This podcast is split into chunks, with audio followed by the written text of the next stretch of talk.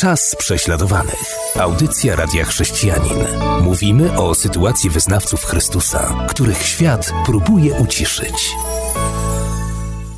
Witam słuchaczy Radia Chrześcijanin i słuchaczy audycji Czas Prześladowanych. Witam Macieja. Ja również witam naszych słuchaczy, witam Ciebie Robercie. Zbliżają się święta. W związku z tym chyba warto powiedzieć o tym, jak te święta przeżywają chrześcijanie na całym świecie, szczególnie ci, którzy z powodu Jezusa mają nie takie, jakie by chcieli. Czy nie o tym właśnie dzisiaj dobrze porozmawiać?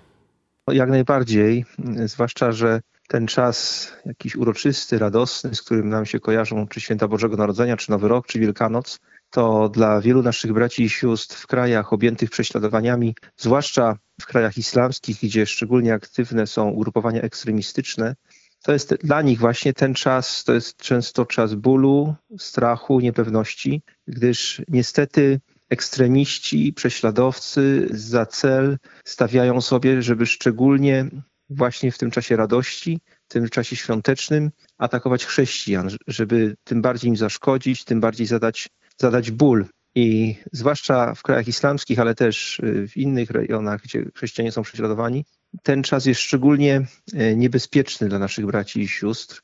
Y, przez lata dochodziło do różnych ataków, krwawych ataków właśnie w tym okresie. Gdy te sprawy rozważałem, to moje myśli pobiegły ku pewnemu wielkiemu świętu, świętu żydowskiemu, świętu Paschy, w czasie którego nasz Pan Jezus Chrystus został zdradzony i ukrzyżowany. To było swego rodzaju takie apogeum prześladowań, zwieńczenie czy też dopełnienie się prześladowań i opozycji wobec samego Chrystusa, ale też w pewnym sensie to otwarło drogę, którą od dwóch tysięcy lat idą też naśladowcy Chrystusa i widzimy to w wielu miejscach na świecie w XXI wieku, że właśnie w czasie świąt, w czasie, gdy dla chrześcijan jest czas szczególnej radości, szczególnego skupienia się na Bogu, to wtedy właśnie te prześladowania się nasilają. A jak to było z Jezusem, to możemy przeczytać w Ewangelii Łukasza w rozdziale 22 od pierwszego do szóstego wersetu. Zbliżało się święto prześników, zwane Paschą. Arcykapłani i znawcy prawa w obawie przed ludem wciąż szukali odpowiedniego sposobu na rozprawienie się z Jezusem. W tym czasie w jednego z grona dwunastu Judasza, zwanego Iskariotem, wstąpił szatan. Odszedł więc i uzgodnił z arcykapłanami oraz dowódcami Straży Świątynnej plan wydania Jezusa. Ucieszyło ich to, wspólnie też doszli do porozumienia, że dadzą mu za to pieniądze. On się zgodził i zaczął szukać dogodnej sposobności do wydania im go z dala od tłumu. I widzimy tutaj intrygę, intrygę uknutą przeciwko Jezusowi i celem tej intrygi było to, żeby aresztować Jezusa i zgładzić go w czasie święta Paschy, ale tak, żeby obyło się to bez niepotrzebnego rozgłosu, jakichś zamieszek. I widzimy, że u samego źródła tych działań był sam szatan, który pobudził serce Judasza, który pobudził serce arcykapłanów, znawców prawa i oni zawiązali spisek przeciwko Jezusowi i pieczołowicie zaplanowali atak na Jezusa, który zakończył się de facto ukrzyżowaniem, to usankcjonowaną formą linczu.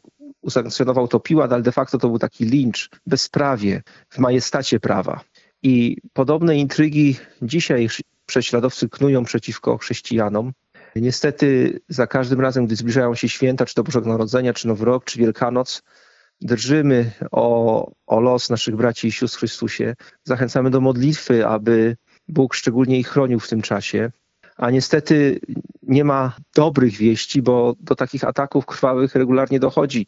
Nie jestem w stanie wymienić wszystkich, do których doszło w ostatnich latach, ale na przykład w Egipcie w nocy z 31 grudnia na 1 stycznia 2011 roku terroryści przeprowadzili atak bombowy na kościół koptyjski zgromadzony na takim noworocznym czuwaniu modlitewnym. I niedługo po północy wybuchła bomba i zginęło 20, 21 chrześcijan, 70 zostało rannych do jednego z najtragiczniejszych i krwawych zamachów, bestialskich zamachów doszło w niedzielę wielkanocną 27 marca 2016 roku w Pakistanie, w Lahaurze, kiedy to terroryści wywodzący się z talibów przeprowadzili atak na park z Wesołym Miasteczkiem, w którym gromadzili się chrześcijanie i zginęło ponad 70 osób, w tym wiele dzieci i 300 osób zostało rannych. A nie tak dawno, 21 kwietnia 2019 roku, tym razem na Sri Lance, to była również Wielkanoc, islamiści zaatakowali trzy kościoły, chociaż Sri Lanka to jest kraj buddyjski, hinduistyczny, muzułmanie tam stanowią mniejszość, zdecydowaną mniejszość, a jednak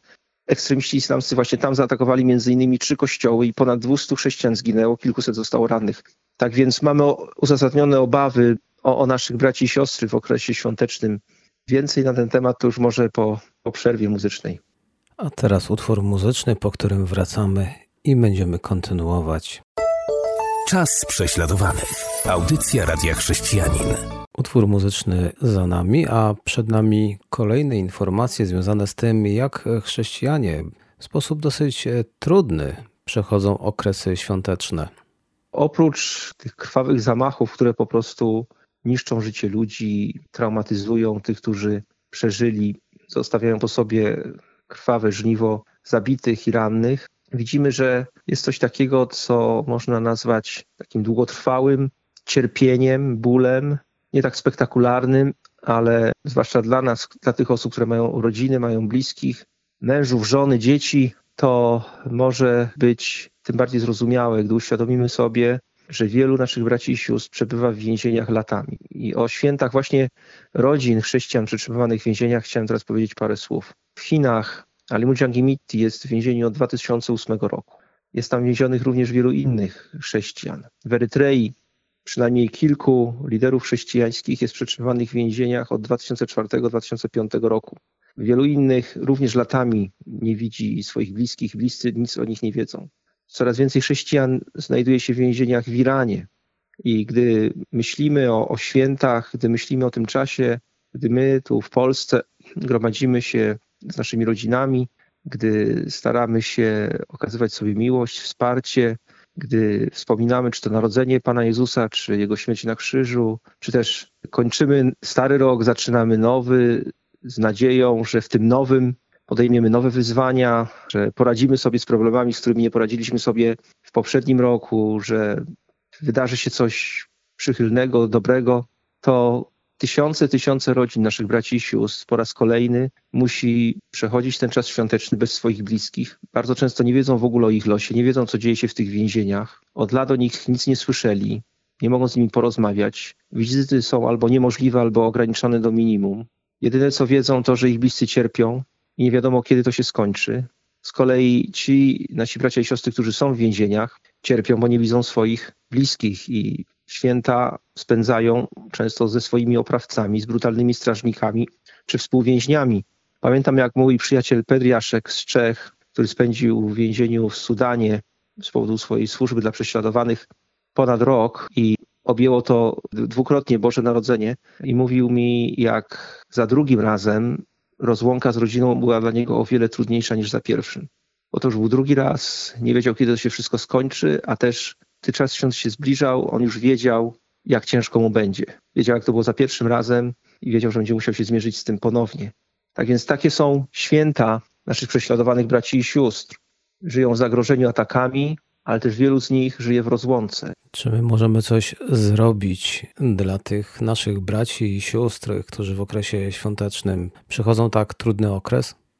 Myślę, że taka aktywna pamięć ma tu kolosalne znaczenie, dlatego nagrywamy też te audycje, abyśmy przede wszystkim o nich pamiętali, ale w sposób aktywny. Dla nas, jako dla wierzących, ta pamięć powinna przede wszystkim wyrażać się w modlitwie. List Jakuba, rozdział 5, werset 16 mówi, że wiele może usilna modlitwa sprawiedliwego. I ja zachęcałbym gorąco, aby w tym czasie świątecznym, teraz, który się zbliża, pamiętać w modlitwie o naszych prześladowanych braciach i siostrach. Ta pamięć może wyrazić się też w czymś, co rok temu zrobiliśmy, gdy w Polsce był twardy lockdown w czasie Wielkanocy. Wtedy poprowadziliśmy taką ogólnopolską akcję Zaproś więzionego chrześcijanina do domu. Jak pamiętamy, wszyscy wtedy byli, byliśmy zamknięci w domach, nie mogliśmy nawet odwiedzać swoich rodzin.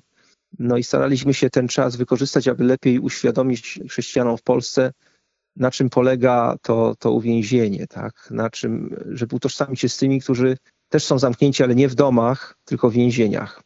Też to, co robimy jako misja, oprócz wielu innych działań, projektów pomocowych, jakie realizujemy, to zawsze w czasie świąt staramy się, na ile to jest możliwe, w różnych miejscach przekazać jakieś prezenty świąteczne, w jakiś sposób ubłogosławić naszych braci i siostry, podnieść ich na duchu. Szczególnie mamy na sercu dzieci czy chrześcijan w potrzebie i w tym roku po raz drugi z rzędu będziemy rozprowadzać paczki świąteczne dla kilkuset dzieci w Burkina Faso, dzieci uchodźców chrześcijańskich, którzy musieli uciekać przed islamistami. W każdej paczce będzie Biblia albo książka o tematyce chrześcijańskiej. w Syrii. Też znowu pomożemy w organizacji takiego spotkania świątecznego dla dzieci, na którym 150 troje dzieci dostanie prezenty, szczególne prezenty. To, czego najbardziej potrzebują, czyli ciepłe kurtki lub buty, bo no bo muszą się jakoś przygotować na chłodne dni i noce zimowe. Pakistanie na przykład rozprowadzimy paczki dla 80 rodzin chrześcijańskich, które pracują niewolniczo w cegielniach. Niezależnie od tego sukcesywnie wykupujemy kolejne rodziny z tej niewoli, no ale wszystkich od razu nie jesteśmy w stanie wykupić, więc dla innych przygotowujemy te paczki. Też rozdamy 300 dzieciom z ubogich rodzin prezenty. Będą paczki dla 53 wdów i ich rodzin. Tak więc to te działania podejmujemy. Jesteśmy wdzięczni wszystkim darczyńcom, wszystkim ludziom dobrej woli, którzy wspierają nas w tym, przekazują darowizny i dzięki temu możemy takie rzeczy robić. To, to jest ta kolejna forma pomocy. Więc zachęcam, zachęcam, ale przede wszystkim zachęcam do, do modlitwy, bo to może zrobić każdy, niezależnie od sytuacji finansowej. I to jest najważniejsze, bo za modlitwą pójdą inne rzeczy. Pan Bóg tak działa. I pamiętajmy w czasie tych świąt i Nowego Roku o tych, którzy są rozłączeni latami ze swoimi bliskimi z powodu wyroków więziennych. Pamiętajmy o tych, którzy muszą borykać się ze wspomnieniami traumy sprzed lat, bo dla nich święta to będzie rocznica tego ataku terrorystycznego, w którym utracili bliskich czy zdrowie. Będzie im szczególnie ciężko. Pamiętajmy o nich, aby Pan pokoju, książę pokoju przyszedł do nich z pocieszeniem i nadzieją. Też pamiętajmy o tych, którym doskwiera bieda i na, nich, na, na nic ich zupełnie nie stać. Tak? Nie będą w stanie w żaden sposób jakoś uroczyście obchodzić tych świąt. Też pamiętajmy o chyba największej rzeszy spośród tych, o których mówię, rzeszy naszych braci i sióstr, którzy po prostu zwyczajnie będą musieli zmierzyć się po raz kolejny z niepewnością i strachem, czy tym razem terroryści nie uderzą w ich kościół, w ich dom będą musieli zaufać Chrystusowi. Także módlmy się, módlmy się jeszcze raz, módlmy się. Wiele może usilna modlitwa sprawiedliwego. I tą prośbą, a zarazem wezwaniem do chrześcijan, którzy będą w znacznie lepszych warunkach spędzać święta, obdarować się prezentami, kończymy naszą audycję. Dziękuję za uwagę. Dziękuję Macieju, że mogłeś nam o tym powiedzieć.